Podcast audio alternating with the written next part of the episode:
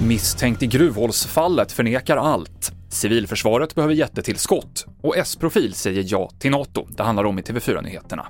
Och vi börjar med NATO-frågan. På söndag så ska Socialdemokraterna meddela sin hållning.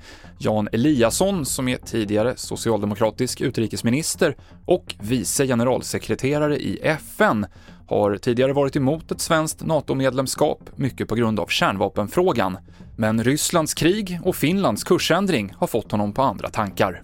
Och i det ljuset, eh, kombinationen rysk aggression av den här omfattningen som ju också innebär krigsbrott eh, och eh, finska, pos finska positionsförändringen så tror jag att vi bör inte vara ensamma i Norden om att stå utanför NATO.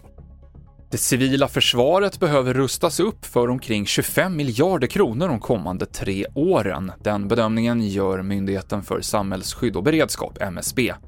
Och det handlar om många olika insatser. Hur ska vi se till att vi får mat? Att maten räcker för kanske mer än tre månader. Hur ska vi se till att ett sjukhus får reservkraft så att det kan fungera? Hur kan vi upptäcka IT-attacker snabbare genom sensorer? Så egentligen handlar det om alla områden i samhället där den basala förmågan måste upp och vissa områden är viktigare än andra just nu. Sa Charlotte Petri Gornitska, generaldirektör på MSB.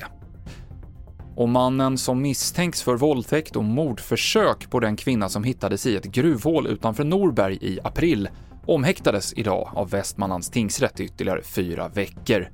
Mannen som är i 40-årsåldern är tidigare dömd enbart för mindre förseelser Mannens advokat säger att han förnekar alla anklagelser om brott. Fler nyheter finns på tv4.se. Jag heter Mikael Klintevall.